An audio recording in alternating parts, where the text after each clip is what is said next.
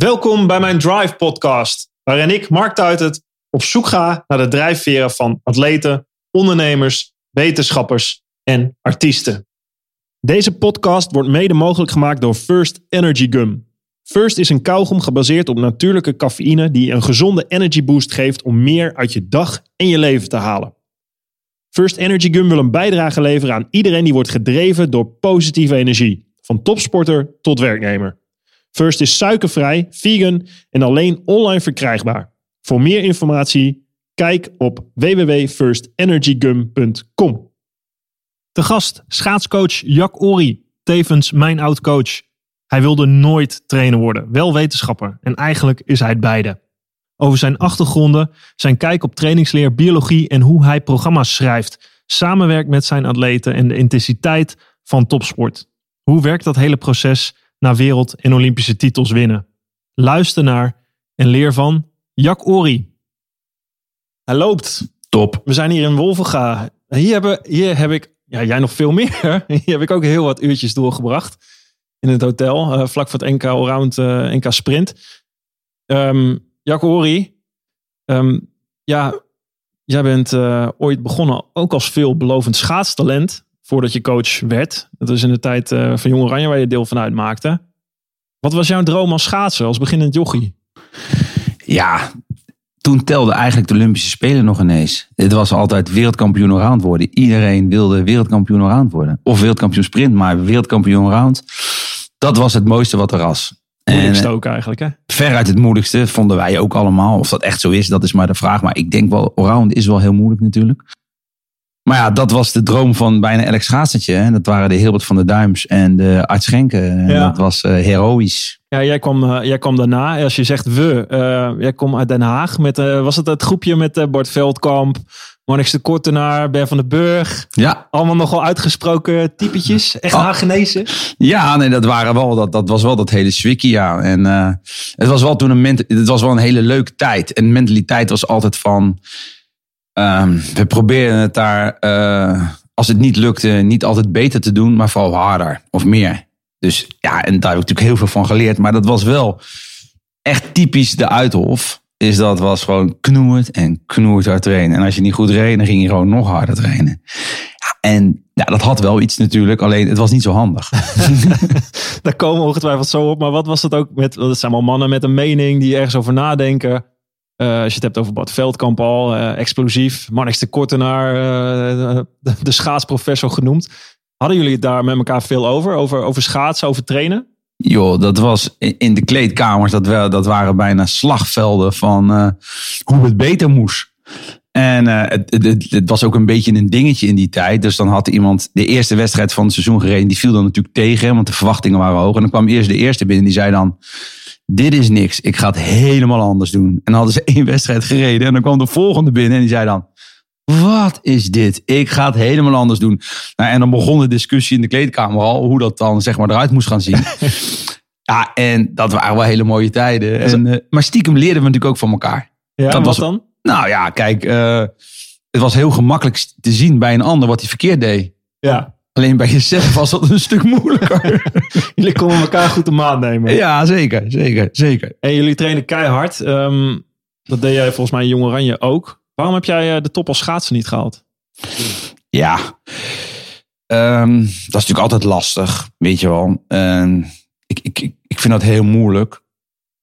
Ik, ik, ik zeg vaak, je ziet toch vaak hè, dat degene bij wie het lukt, die weten toch eh, een context om hun heen te scheppen die dan toch wat handiger is voor ze. En, eh, en toen ik dat doorkreeg, toen wilde het al niet meer zo goed. Wanneer was dat? Nou, Rond mijn 324ste. En Want je was groot talent. Je reed nou ja, de tijden van Art Schenk eh, uit de boeken. eh, was, heb je wereldrecord junior gereden? Of dat nee, records. Records. nee, ja, dat wel. Maar Dus eh, je had wel talent.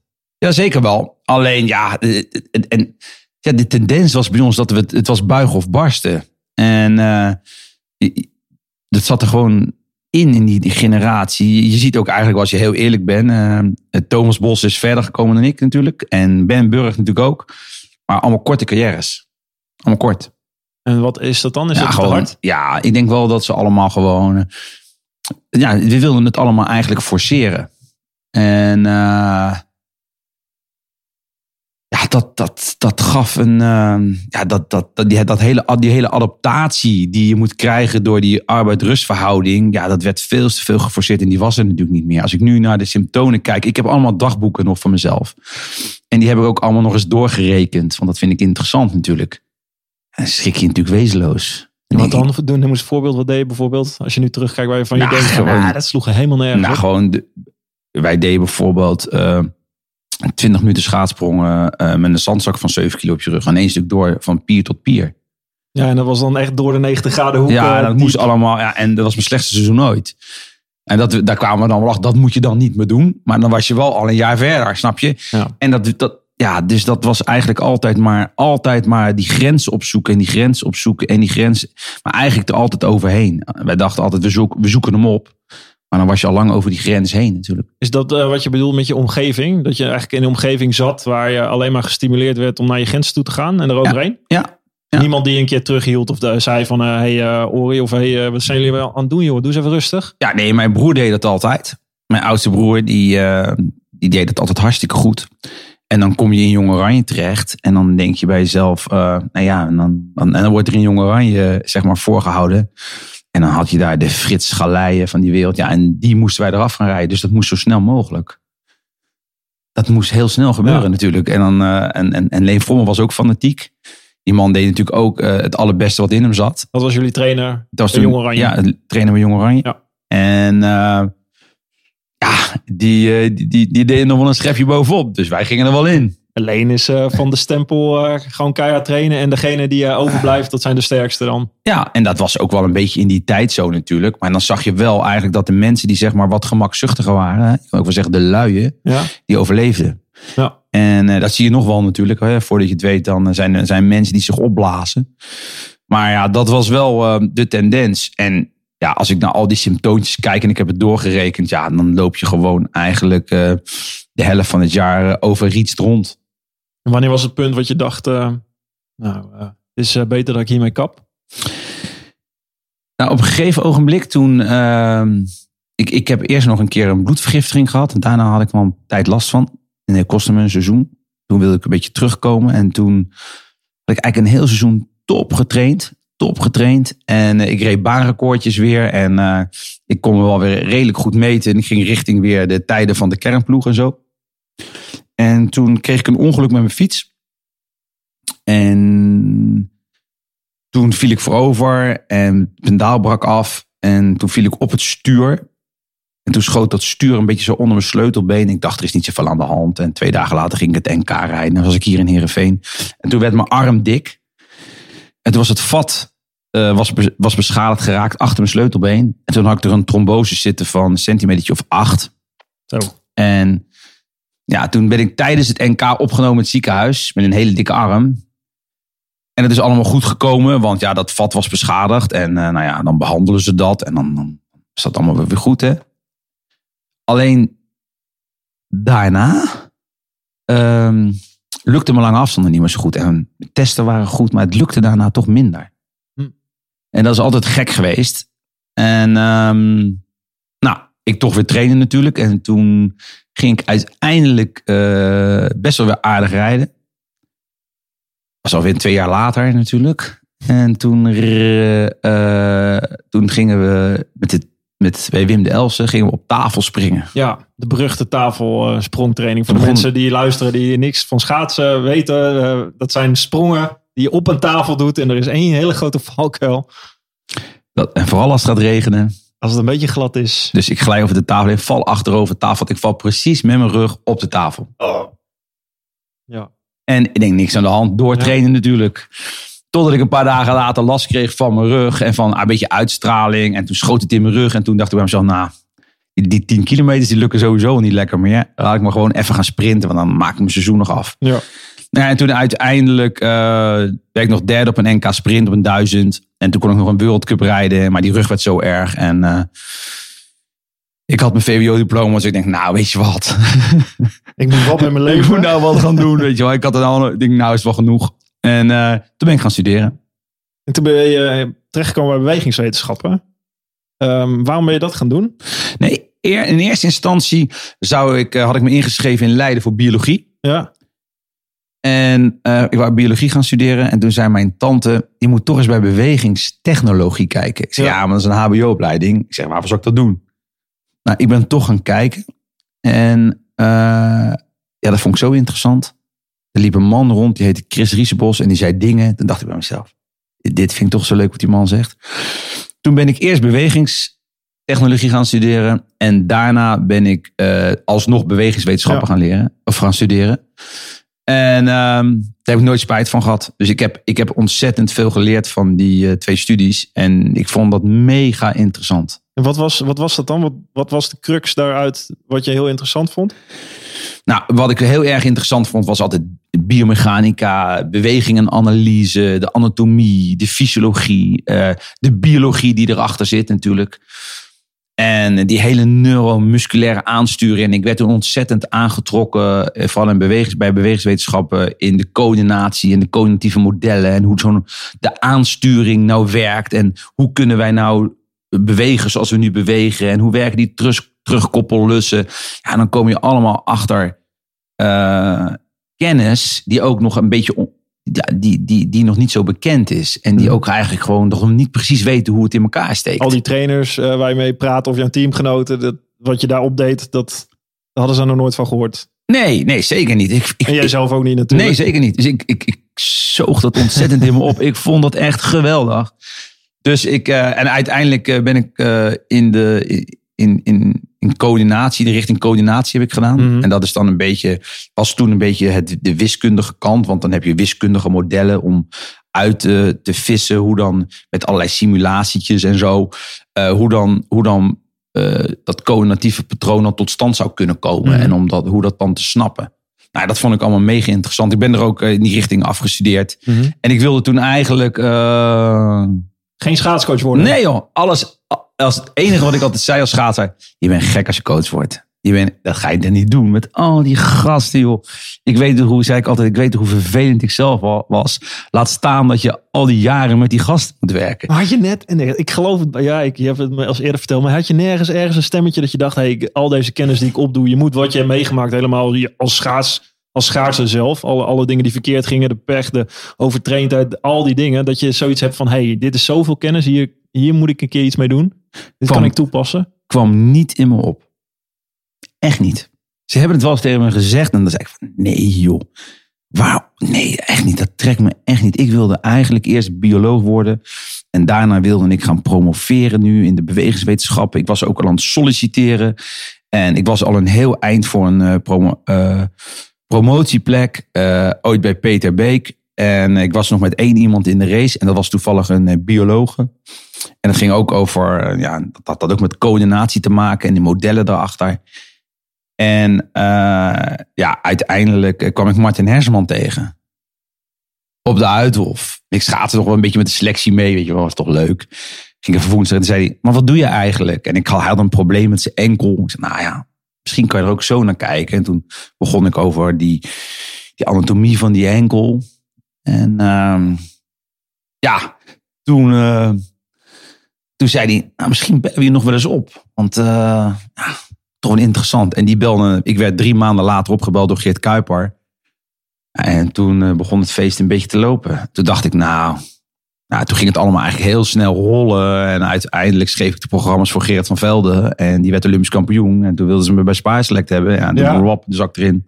Ja, want het ging, nu zeg je het even heel snel, maar in, in 2000, we hebben nu 2000, 2001, hè? toen kom je bij TVM, Martin Hersman zat bij TVM, Geert Kuiper was de trainer, Rintje Ritsma zat daar, eh eh, Geert van Velde, zoals je zegt, was het grote schaatsbolwerk eigenlijk. Ja. Eh, naast de Spaarselect ploeg, waar ik onderdeel van uitmaakte. Ja. Wij wij werden getraind toen door, door Pieter Muller. Dat was een beetje die tegen elkaar. En dat, ja, dat kwam tot een climax in 2002 tijdens de Olympische Spelen. Toen jij, toen jij in dat team kwam. Maar wat, hoe, wat trof je eraan? Hoe kwam jij in het schaatsen terecht? Marten Hersman neem je mee. Je zit in één keer bij een professionele schaatsploeg. Ehm Geert van Velde, die, die kwakkelt. Die was gestopt. Die komt terug. Ehm, jij gaat schema schrijven voor Hersman. Eh, hoe is het eh, zo gekomen dat je in één keer eh, schema's aan het schrijven was voor de hele ploeg? Nou ja, ik. ik, ehm, Ja, dat, ging eigenlijk, zo- dat ging eigenlijk zo op een, op een snelle, aparte manier. Ik, ik zou erbij komen ook om wat testen te doen en analyses te doen. En ik zou ook invallen als Geert Kuiper niet met iemand mee zou kunnen. Dan zou ik met hem naar een wedstrijd gaan en zo zou dat een beetje gaan. Maar wat gebeurde daar is dat eh, Ralf van der Rijst en Martin Hersman, die misten de World Cups. Ja. Dus toen zei Geert Kuiper, ja, ik heb het een beetje druk. Doe maar met die gast wat je wil. Hij heeft me die ruimte gegeven. Ja. En toen zei ik, hij zegt, maakt niet uit. Nou, en dat, dat triggerde me. Ik denk, oké, wacht even. Maar dan doe ik het misschien toch een beetje anders. Ik denk, zeg maar, dan doe ik het wel een beetje anders. Maakt niet uit, zegt hij. Kijk wat je, kijk wat je kan doen. Dus toen Had ging je toen nooit wel een schema geschreven trouwens? nog nooit. Nog nooit. En ehm, toen, eh, toen ging ik naar Soesterberg toe. Dan ging ik krachttestjes doen. En eh wingate testen. En stappen testen. En dat deed ik toen in Soesterberg. En toen zag ik al heel snel. Denk, hé, hey, met die statische krachttesten in die hoek. Die kloppen niet. Toen zag ik terug te rekenen. Ik denk, zij kunnen nooit die blijven zitten in een bocht. Bij een rondje 27. Want die kracht hebben ze niet in Zijn die gewoon niet sterk genoeg. Dat is gewoon niet sterk genoeg. Dat was zo. En ik denk, oké, die conditie was oké. Het anaeroop vermogen was niet goed. Nou, dan ging gewoon aan werken. Krachttraining veranderd met Ton Leenders. En eh, zijn aan gaan werken. En aan het eind van het seizoen racen lekker door. Racen weer, racen eigenlijk best wel goed. En eh, dus ja, nou ja, dat was het eigenlijk een beetje. Maar ja, dit jaar erop was de Olympische Spelen. En toen eh, hadden ze natuurlijk allemaal een beetje lucht gekregen in het team van wat ik dan een beetje gedaan had. Mhm. En ja, en toen eh, eh, ja, liep dat niet helemaal lekker met wat er in de leiding wat er toen zat. Ja, En het was een beetje sprinters, allrounders. een beetje door elkaar. En dat liep liep, allemaal door elkaar. ja. En toen werd ik gevraagd of ik de programma's wilde schrijven voor het Olympisch jaar. Nou, en de enige ervaring die ik had was een half jaar programma schrijven voor die twee jongens. Ja. En ik vond het eigenlijk wel een uitdaging. dus ik zei, ja, is goed, doe ik dan. Nou, en dat heb ik toen gedaan. En toen heb ik diezelfde lijn doorgetrokken met die testjes. En eh, het grappige is, is dat eh, eh, Alex Velsenboer, die is natuurlijk nou eh assistent-trainer eh, bij ons. En eh, die heb ik ook nog meegetest, want die schaatsen doen ook nog. Dus dat is dan wel grappig in die tijd. Hebben die Ja. ook later bij Spaarselect is nog een keer meekomen testen. Toen deden we dat ook nog. En ehm, nou ja, uiteindelijk ben ik daar. En toen heb ik wel afgesproken. Zeg, ja jongens, maar het is allemaal leuk. Maar na, mm, na Salt Lake City Ja. stop ik ermee. ja, dan is het echt klaar met dan schaatscoach ga ik spelen. promoveren. Ik was met die sollicitatie was verder gelopen. Dus dan stop ik Mhm. ermee. Ja, echt? Omdat, maar had je niet zoiets van, hey, dit is eigenlijk best wel gaaf? Nee. Ik vond het hartstikke leuk. Ik vond het een uitdaging. Maar ik had er eigenlijk heel goed vrede mee. Ik had er eigenlijk gewoon vrede mee. Dat ik dacht van oké, dit doe ik nu. Volle bak. Ik ga wel promoveren. Prima. Ik vond het echt superleuk. Ik was op Olympische Spelen in Salt Lake City. Ja. Ik vond het allemaal hartstikke leuk. En het enige dat ik dacht van ja, maar oké, dat sluiten we dan af. En- wat was je ambitie dan? Om, wilde je promoveren verder en weet, echt een wetenschappelijke kant? Ja, of wist ja, je niet? Of je, Nee, nee, gewoon echt. echt, wetenschappelijk onderzoek, onderzoek doen. Gewoon onderzoek doen. Dat vind ik zo spannend. Ja, Ik vond het, vind ik nog. ja, Dus ik maak natuurlijk van, eigenlijk van, dat zeg ik ook, volgens mij heb ik dat ook ooit tegen jou gezegd. Ja, ik zie het als één groot experiment. ja. Dat heb ik altijd gezegd. Alleen, ik denk natuurlijk wel na over de experimenten en over de risico's. Die probeer ik uit te leggen. Ja. Ik, ik, ik wil niet, moet, iedereen moet het wel van tevoren weten. Ik probeer het wel heel netjes te doen. Maar ik zie het echt als één groot experiment. Maar jij wil, ook, jij wil ook winnen. Met alles wat ik heb. Ja, nou precies. Maar dat dat- is natuurlijk wel in topsport Ja, heel duidelijk. Nee, maar, maar ook het vervolg komt er natuurlijk op. Dus Ja. wat, wat, wat gebeurt daar? Dat ik denk, nou oké, dit hebben we dus gehad. Geert van Velde, Olympisch kampioen. Ja. Helemaal top. En toen gebeurde er iets inderdaad. Jaap Stalenburg, die zei, zo is het ooit begonnen. Ja, je moet even praten met die jongen van Trouw. Van, ik zeg, ja, is goed. Zeg maar gewoon hoe het in elkaar zit. Ik zeg, ja, hoe, hoe doe je? Ja. ja, want jij, eh, nou, laten we dat maar gewoon zo doen. Zei hij, oké, dat is goed. Dus, en ik was gebombardeerd. Ik was de trainer. En Geert was de coach. Die deed, Ja. we deden, die was, tijdens de wedstrijden was Geert de coach. Dus En ik moet je eerlijk zeggen, Geert ja. heeft me altijd de ruimte ook gegeven. Eerlijk is eerlijk. En ik deed de programma's. En ja, dat kwam toen in de, in de, in, in, in de, in de krant te staan. Maar daarvoor al werd ik al een klein beetje gepolst door Spaarselect. Ja. Ja. Gianni polste hem al een beetje. En, uh, Voor de luisteraars om even aan te geven hoe die situatie toen in elkaar stond. Vanaf mijn perspectief. Spaarselect was in 2002, uh, moesten wij alles gaan winnen. Wij waren het dreamteam. Maakte ik onderdeel vanuit Erbe Wennemars, Marianne Timmer, Johnny Romme. Daar moest het gebeuren. Nou, Pieter Muller was echt de coach van de oude stempel. Kijk, keihard trainen. Heb ik ook veel van geleerd. Maar het liep niet uh, dat seizoen. Um, en eigenlijk, ik zat, ik zat thuis met Jacco Jan te bellen. Wij waren thuis gebleven, de rest zat op de Olympische Spelen. En wij zagen de succes van Gerard natuurlijk. En wij belden ook van, ja, dit kan zo niet. Wij zijn zo dom nog aan het trainen, zo hard. Kijk eens wat Jack doet met Gerard. En dus iedereen, dat grondste bij ons ook al inderdaad. We moeten iets anders gaan doen. En er is eigenlijk misschien maar één iemand die dit zou willen, misschien kunnen doen. Uh, tot zo, dat was ook tijdens die Olympische Spelen aan de gang. Wij lazen natuurlijk ook de interviews en zagen het op tv. Dat speelde er toen van, ja, moeten we, wat kunnen we daar doen?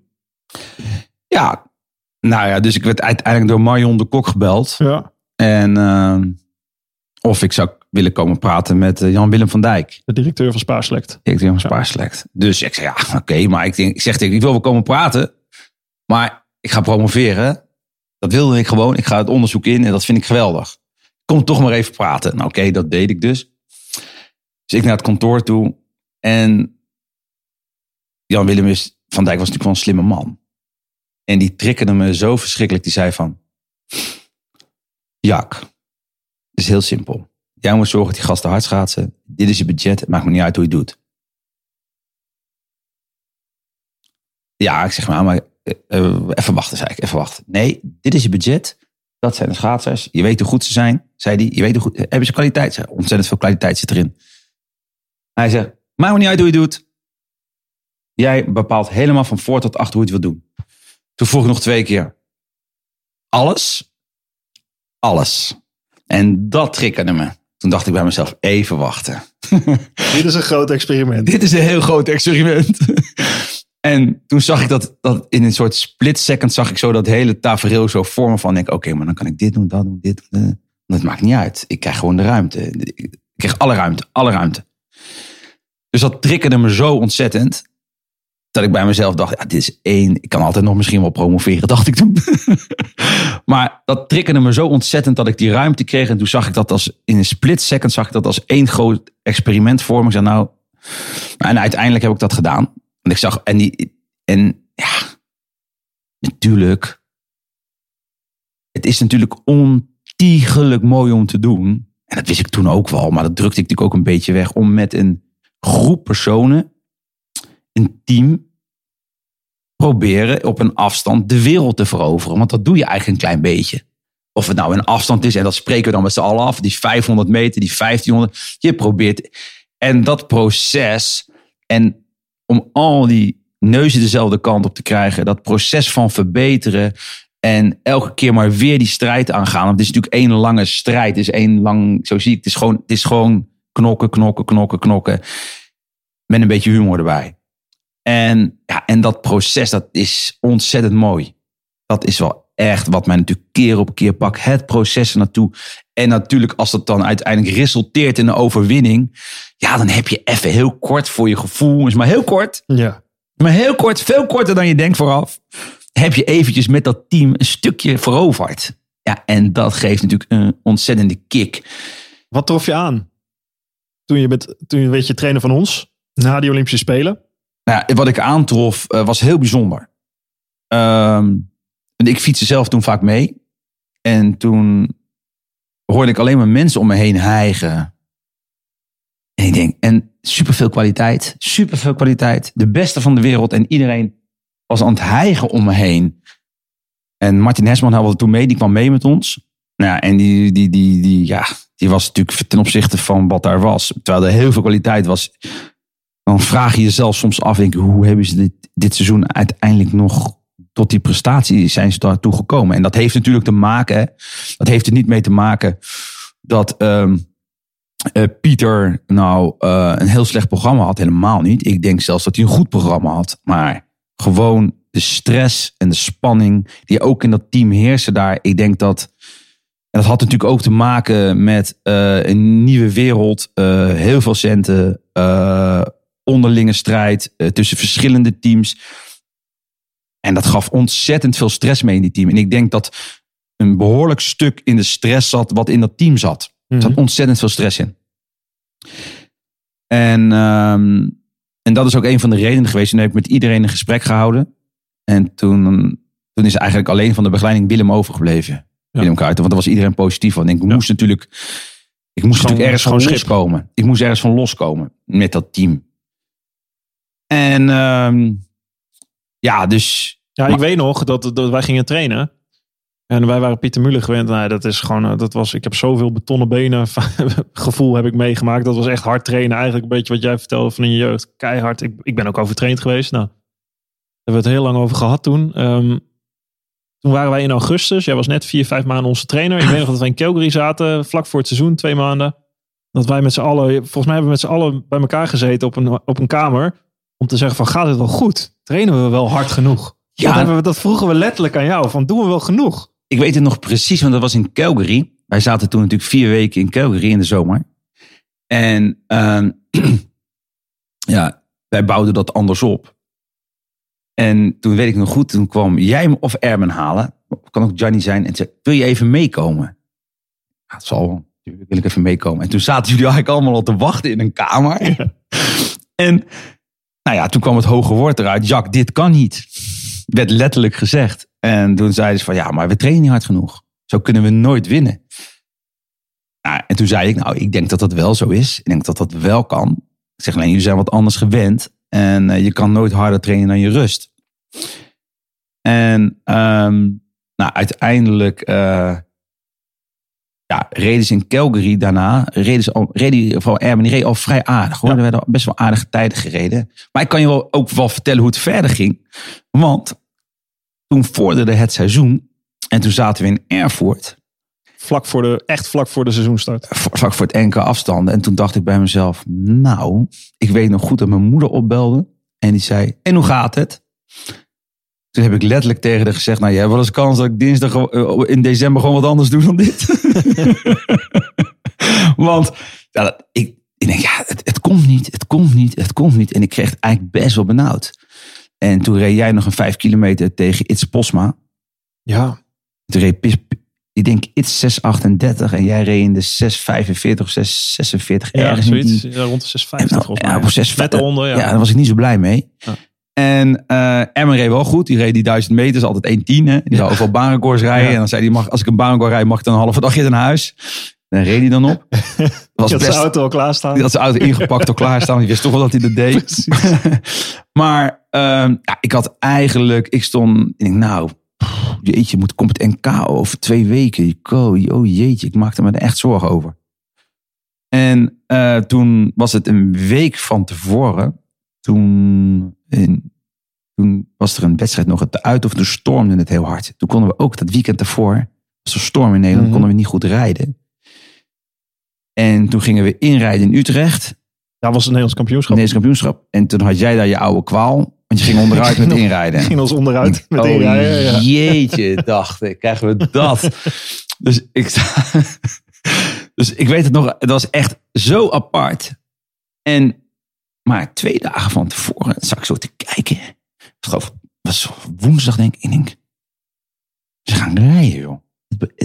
Ze gaan, ze beginnen goed te rijden zie je ook de kwaliteit wel van de sporters. Hè, want die, die zijn ook wel een bepaalde focus. Maar ik denk, ze gaan rijden. Het wordt anders. En ineens kreeg ik een soort hoop weer. Ja, en toen begon het, uh, het hele tafereel. En dat was, uh, ja, Erben won de 500, Marianne 500.000. Jij op de 1500 stond je op het podium. Uh, we trokken zoveel prijsjes naar binnen. Ja. Dat was echt gigantisch daar, zo wat we toen deden. En ja, en toen was natuurlijk het ijs gebroken toen was het ijs gebroken en toen ging het natuurlijk los. Toen was het vertrouwen er en alles. Ja, toen waren wij ook over de, over de streep. Inderdaad, je moet gewoon winnen, je moet presteren om, ja, uiteindelijk moet je het wel laten zien en doen. Het, dat gebeurde. Het is wel grappig dat het zo helemaal is gegaan. Ja, en daarna was het inderdaad prijs, Europees kampioenschappen, wereldtitels. En eigenlijk is dat ook niet meer gestopt. Nee. Je bent als trainer nu uh, eh, 20 jaar bezig. Hè, jaren vandaag zelfs, 52. Ja. Uh, uh, gefeliciteerd, hebben we al gedaan. Maar alsnog 20 jaar lang eigenlijk. Want ik weet nog dat je 32 was inderdaad toen je onze trainer werd. Als je nou, je hebt alles gewonnen met alle grote namen uh, samengewerkt. Uh, als, je, als je nu kijkt waar je staat, hè, als trainer van Kjeld Nuis, Patrick Roest, um, Antoinette de Jonge, zoveel, zoveel toppers. Um, zijn Kramer natuurlijk. Als je terugkijkt, wat, wat, en je weet wat je nu weet, als je dan terugkijkt naar dat hele proces, is dat dan ehm, logisch geweest dat je hier gekomen bent en dit nog steeds doet? Of is het, ben je er toch maar in blijven hangen? Ehm, nou, ik, ik was echt nooit van plan om het zo lang. Ik was eerst niet van plan om het te worden. ja, En ik was nooit van plan om het zo lang te doen. Alleen, telkens zie je een uitdaging. En dan zie ik eigenlijk een vervolg in mijn experiment. ja. en hoe ver ben je met je experiment dan? Als je nu in 20 jaar kijkt, wat, wat heb je nu geleerd wat je toen nog niet wist bijvoorbeeld?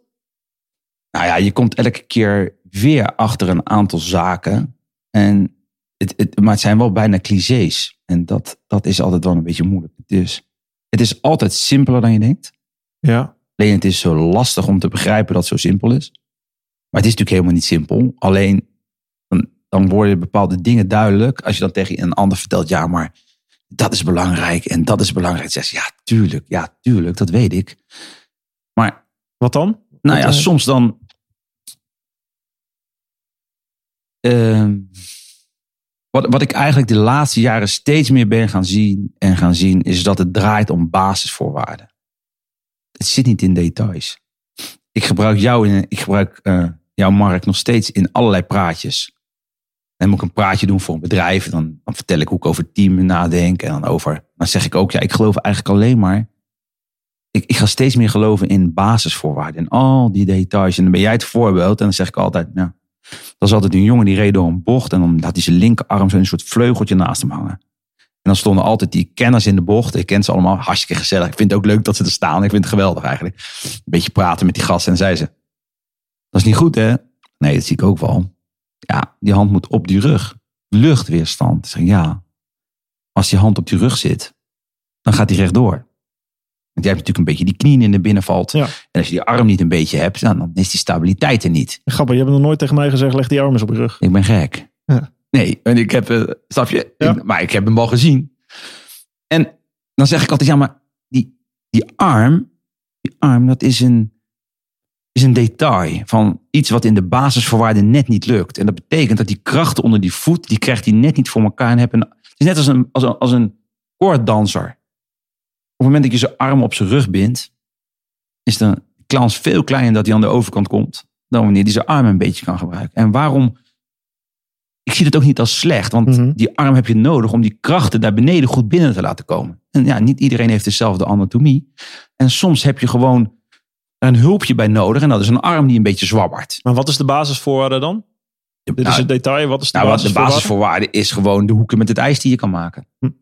Hoe kan je je schaats ten opzichte van het ijs voor elkaar krijgen, zodat die kracht recht door je zwaartepunt heen gaat? Ja. Of waar je hem wil hebben. Je zwabbert er een beetje langs. Dat je zo groot mogelijk onderdeel van die kracht, die vector echt in het ijs kwijt kan. En waardoor jij volledige voorwaarts- propulsie krijgt, voorwaartse snelheid Ja. krijgt. En een moment, ja, en daar had jij een armpje voor nodig. Ja. En dat is gewoon een detail. Dus En Sven Kramer, wat heeft die, wat, wat, waar zit bij hem in bijvoorbeeld? Als je kijkt naar hoe hij schaatst, weer totaal anders. nou ja, wat, wat hij nog wel eens heeft, is dat hij natuurlijk voor.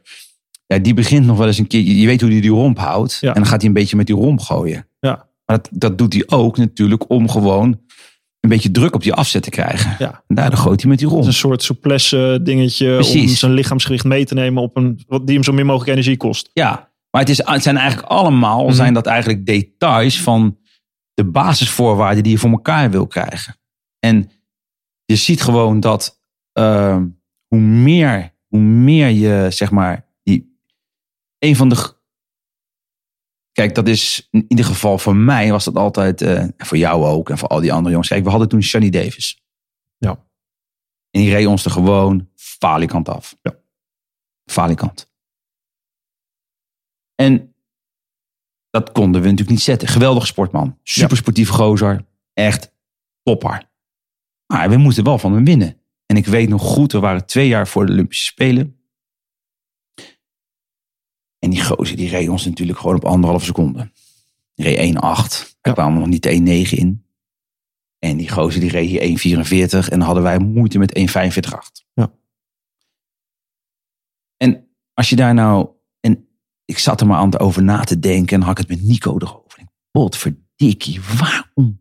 Wat doen die gasten nou? Dat kan niet. Die kunnen niet meer... eh, eh, want Danny Morrison deed het toen ook. Mhm. Die gasten reden ons gewoon de finale af. Ja. En toen, Mega snelle rondjes konden ze rijden. makkelijk. Ja, en toen heel zat ik eraan te rekenen en te rekenen en te rekenen. En toen dacht ik bij mezelf, het is simpeler. Het zit in een basisvoorwaarde. Ze doen iets met snelheden. Dat kan niet anders. Ze, ze, zijn er veel te efficiënt op een bepaalde snelheid. Nou, toen had ik een beetje aan zitten rekenen. En toen dacht ik bij mezelf, ze zijn met z'n tweeën. En kwam ik erop uit. Ik had een rekensom gemaakt. Ik kan hem ook nog eens laten zien aan je. En toen dacht ik bij mezelf, die jongens die moeten, zou die energiesystemen kunnen kijken. Ze moeten dan op die gemiddelde 1500 meter snelheid, moeten ze wel 2700 meter kunnen rijden. Ik denk, oké, dan gaan wij dat 5 kilometer doen. Gewoon, out of the blue, 5 kilometer. Ik vergeet dat niet meer. En toen gingen we die 600, 400 meter Ja. rijden. Die weet je nog allemaal. Jazeker. Dan gingen we die herhalen. Eigenlijk ging, eh, wat, om het even duidelijk te maken voor het publiek dat luistert. ehm, eh, wat je eigenlijk zegt is, je wil, je wil op die hoge snelheid zoveel mogelijk tijd kunnen doorbrengen in een training. Ehm, eh, vijf kilometer lang op zo'n hele hoge snelheid, dat kan je natuurlijk niet in één keer. Dat hou je misschien net één, twee, nou, max drie rondjes vol. Dus, maar dan rij je een wedstrijd. Dan moet je heel lang van herstellen. Dus je knip- knipt hem eigenlijk op in intervallen van 400 meter. Eh, dan neem je rust tussendoor. Dus eh, die vijf kilometer verdeel je in stukjes van 600, 400, 200 meters zodat je uiteindelijk op de totaalafstand van 5 kilometer uitkomt op alles op die snelheid. Ja, precies. En eh, ik had een beetje zitten rekenen dan wat die kruissnelheden waren en wat het allemaal zou kunnen betekenen voor die energiesystemen. En er zit wel een heel verhaal achter nog. Ja, maar heel kort, wat, welke, wat bedoel je Dat met energiesystemen? Anaeroop, eh, ja, het is vooral je anaerobe energiesysteem. dat is de bottleneck Ja, dan. Ja, dat is Dus de hoeveel bottleneck. energie je vrij kan maken. En vooral de anaerobe power. Dus wat kan je met die anaerobe energie die je hebt? Ja. Dus je kan wel heel veel anaerobe capaciteit hebben, maar als je niks meer kan, ja, is leuk. Ja. Maar je moet het kunnen inzetten, je moet het kunnen op inzetten. die Die- wedstrijdsnelheid. Dat heeft met efficiëntie te maken. Dat heeft met de efficiëntie van je systemen te maken. Maar eigenlijk was vijf kilometer te veel. Want in het begin gingen we eraan.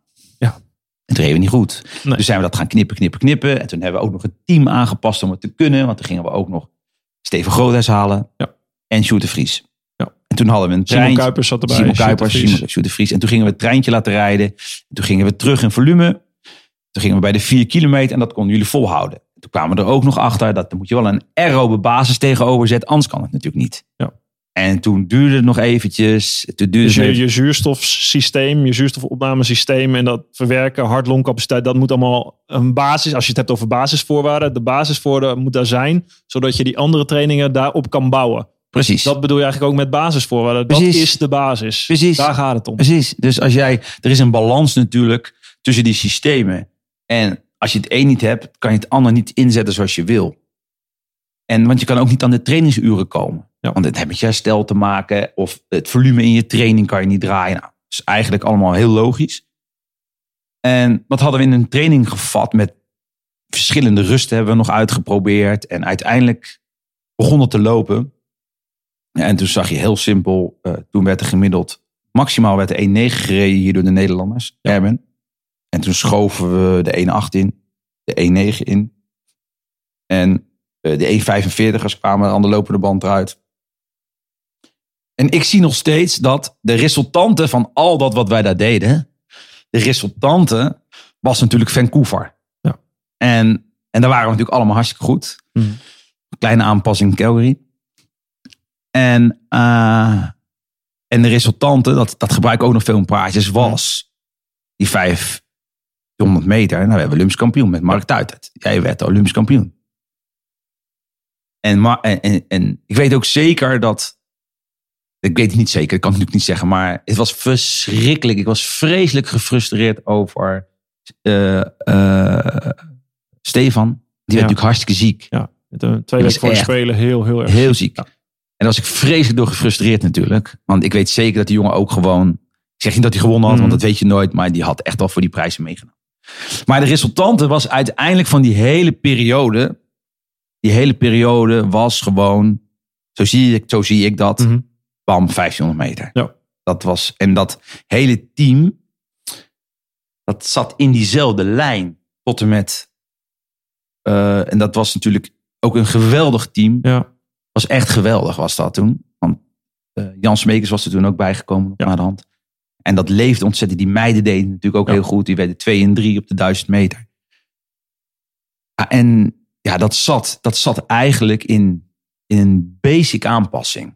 Eigenlijk was het gewoon basic. Eigenlijk was het gewoon ten eerste eh, het team wat klopte. Ja, Om elkaar ingespeeld, allemaal dezelfde drive. En, eh, eh, en naast de technisch-coördinatieve aanpassingen die je net noemde, gewoon de fysieke aanpassingen op wedstrijdniveau, op wedstrijdsnelheid, Ja. om daar de lat te verleggen. ja.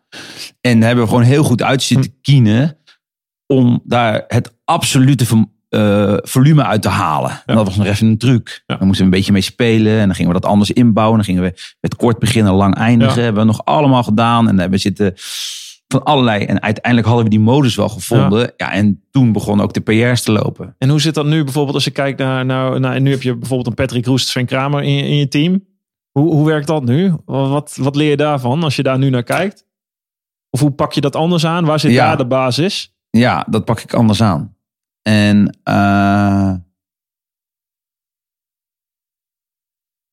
nou, wat eigenlijk allemaal hetzelfde is, is dat ik ook daar weer geleerd heb. In elke stap, elke Olympische cyclus merk ik, ik elke keer maar weer dat die.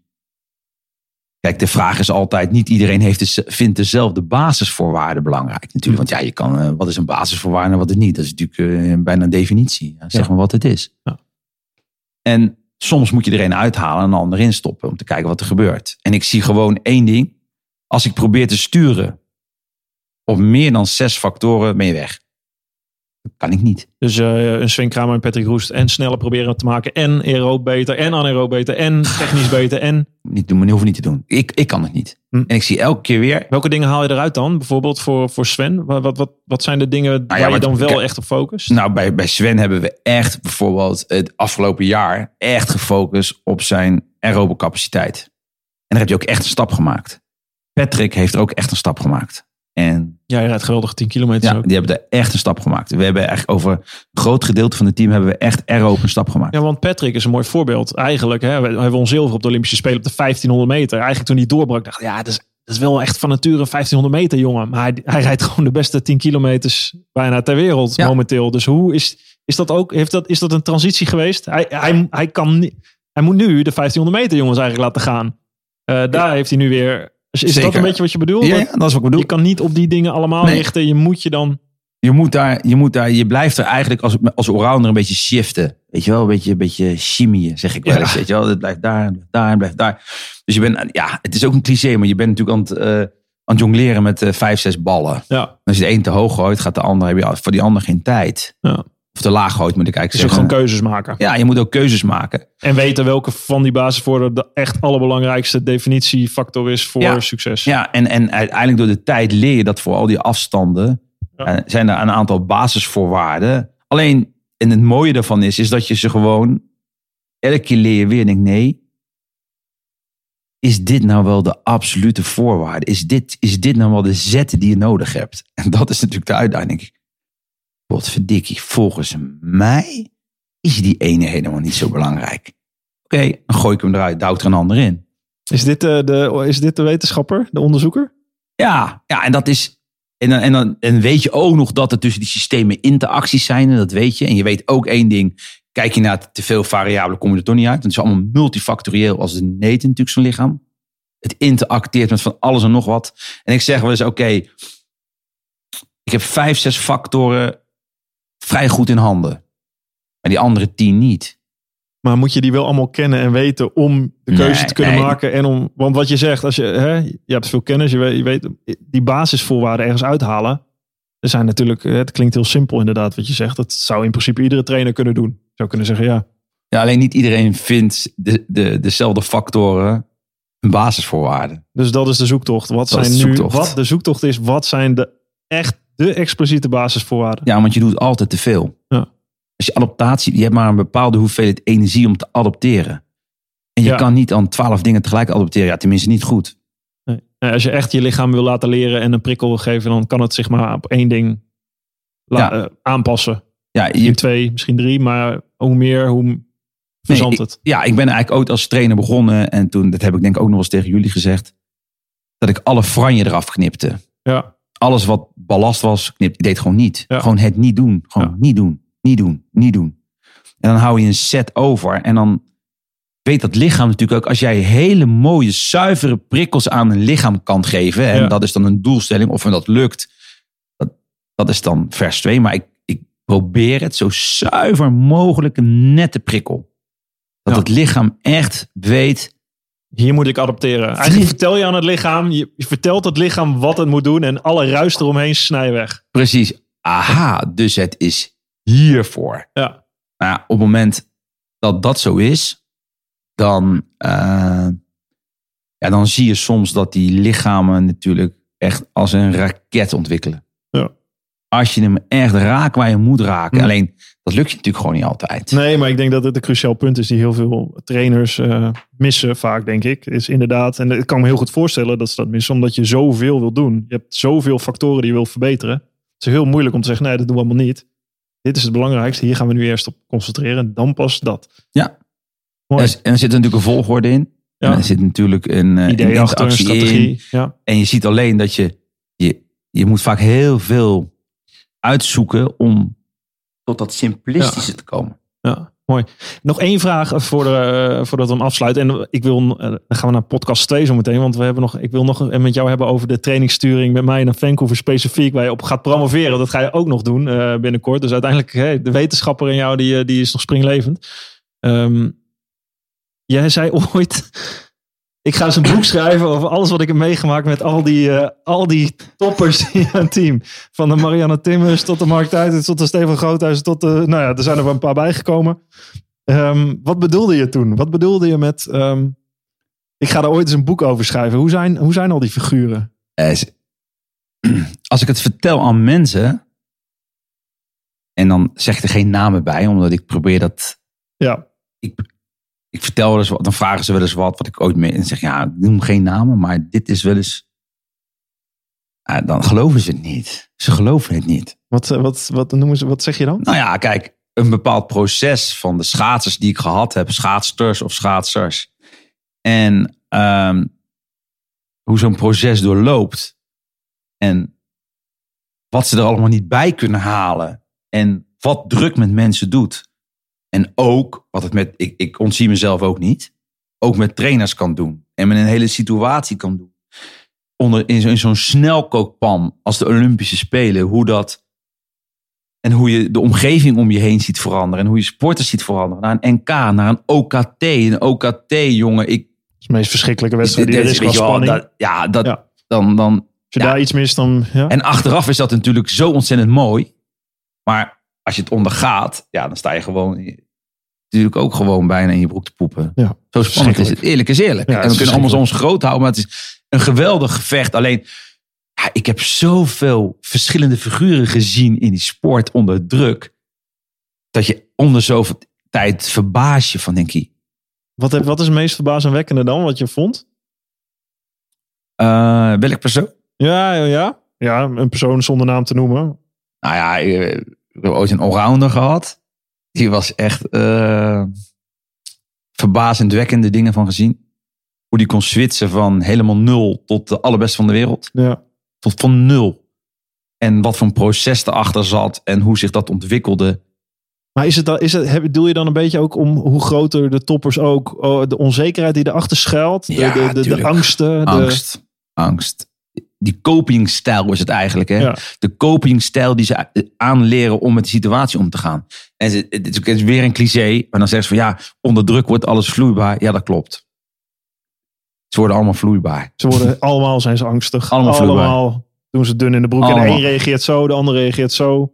Er zijn, er zijn hele grote schaatsers die dan tegen mij zeggen... Jak, hou de nooduitgang dicht, want ik ben weg. Ja. dat zijn gewoon uitdrukkingen. En ja, ik, ik, heb er, ik heb er ooit eens een hele rits aantekeningen van gemaakt.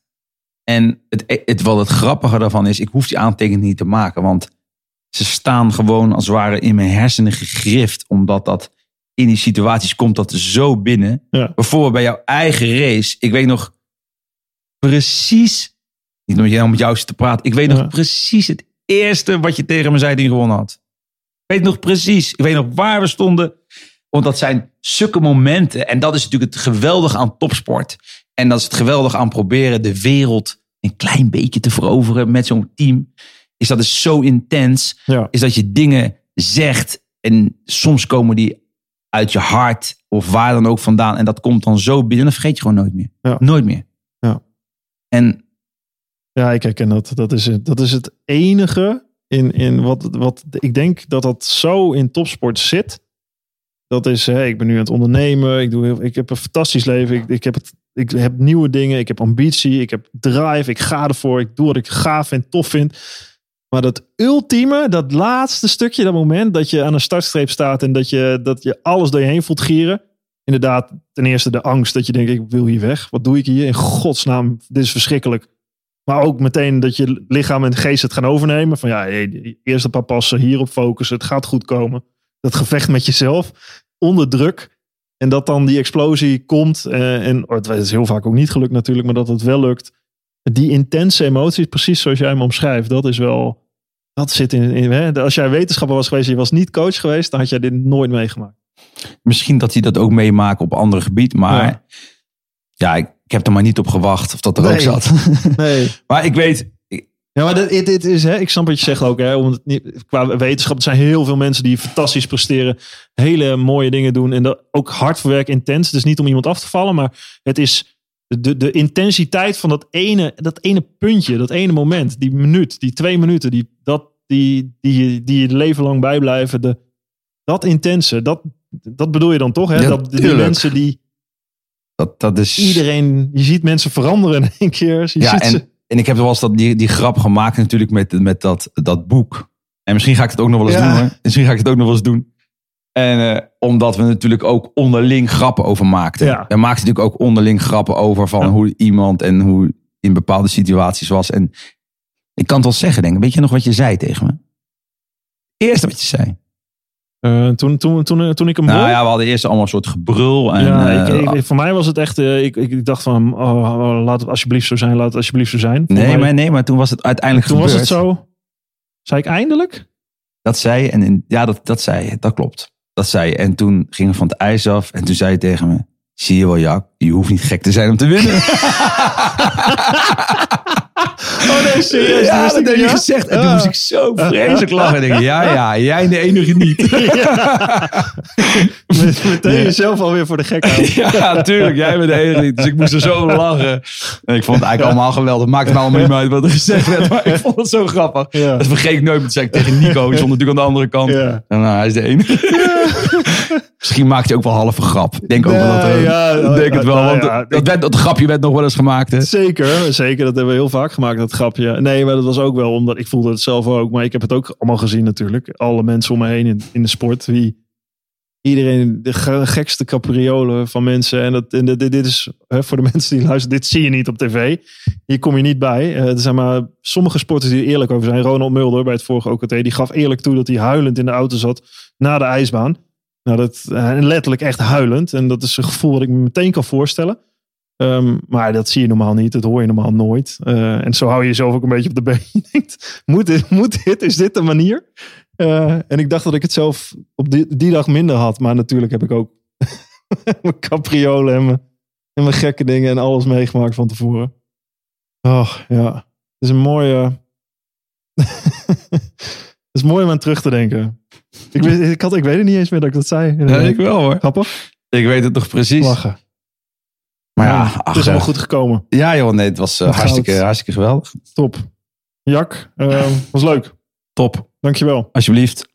Dank je voor het luisteren naar mijn Drive podcast. Wil je nu meer afleveringen luisteren? Abonneer je dan op mijn podcast via Spotify, iTunes of YouTube. Je kan me vinden onder Drive Podcast Mark Tuitert. Of bekijk alle informatie en alle podcasts op www.firstenergygum.com. Ga je naar het tapje media en het tapje podcasts. Daar vind je alle informatie. Laat me ook weten wat je van deze podcast vindt en welke gasten jij graag zou willen horen.